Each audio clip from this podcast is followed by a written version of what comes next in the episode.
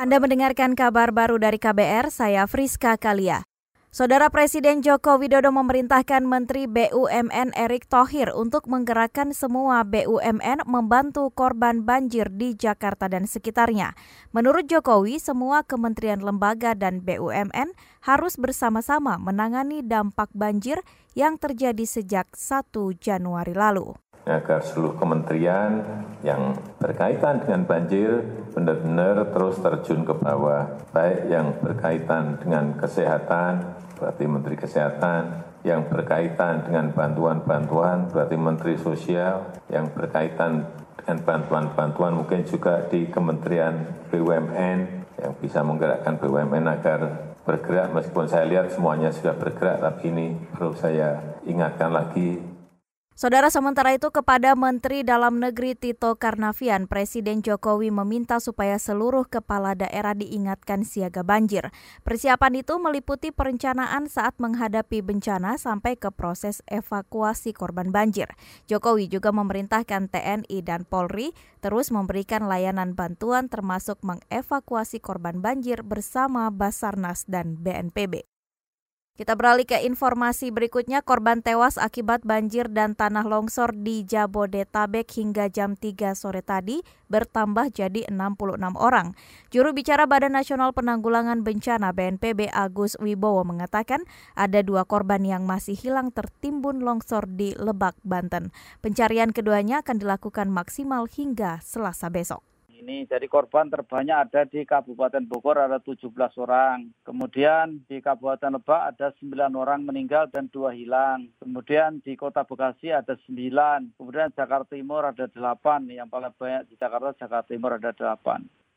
Saudara juru bicara BNPB Agus Wibowo menambahkan korban tewas paling banyak disebabkan tenggelam, tersengat listrik, kedinginan, kelelahan, dan tertimbun longsor. Agus menyebutkan saat ini BNPB fokus membenahi sejumlah infrastruktur dan rumah warga yang rusak.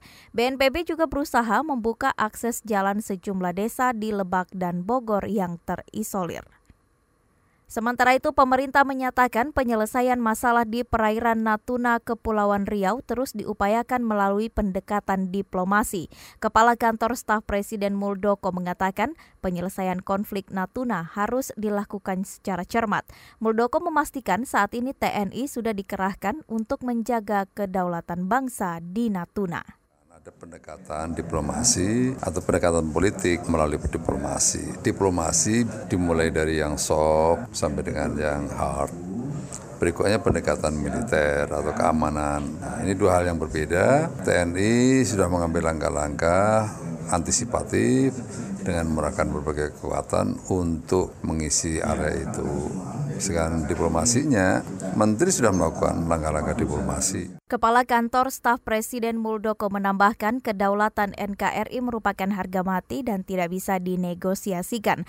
Muldoko menyatakan akan ada penyelesaian lebih lanjut dalam bentuk pembicaraan tingkat tinggi antara Indonesia dengan China. Beralih ke informasi lain, jaringan advokasi tambang atau Jatam mencatat ada penurunan jumlah izin tambang selama lima tahun terakhir. Tapi penurunan jumlah izin itu tidak berbanding lurus dengan peningkatan kualitas hidup masyarakat di dekat lokasi tambang. Selain itu, menurut Ketua Divisi Jatam Ki Bagus Hadi Kusuma, selama proses periode pertama Presiden Joko Widodo menjabat, jumlah konflik pertambangan tidak menurun seperti jumlah izin tambang. Selama periode pertama Jokowi yang wakilnya Yusuf Kala, kita mencatat ada 71 kasus konflik pertambangan. Kemudian ada 36 kasus kriminalisasi yang menyasar warga dan aktivis tolak tambang. Yang total korban kriminalisasi dan serangannya itu ada 205 orang sepanjang 2014 eh, hingga 2019. Ketua Divisi Jaringan Advokasi Tambang Ki Bagus Hadi Kusuma menambahkan ada tiga pola utama konflik pertambangan, yaitu penembakan oleh aparat negara sebanyak 12 kasus, bentrok fisik 15 kasus, dan aksi blokir jalan tambang 9 kasus. Sementara komoditas tambang dengan konflik terbanyak yaitu batu bara, emas, pasir besi, dan nikel.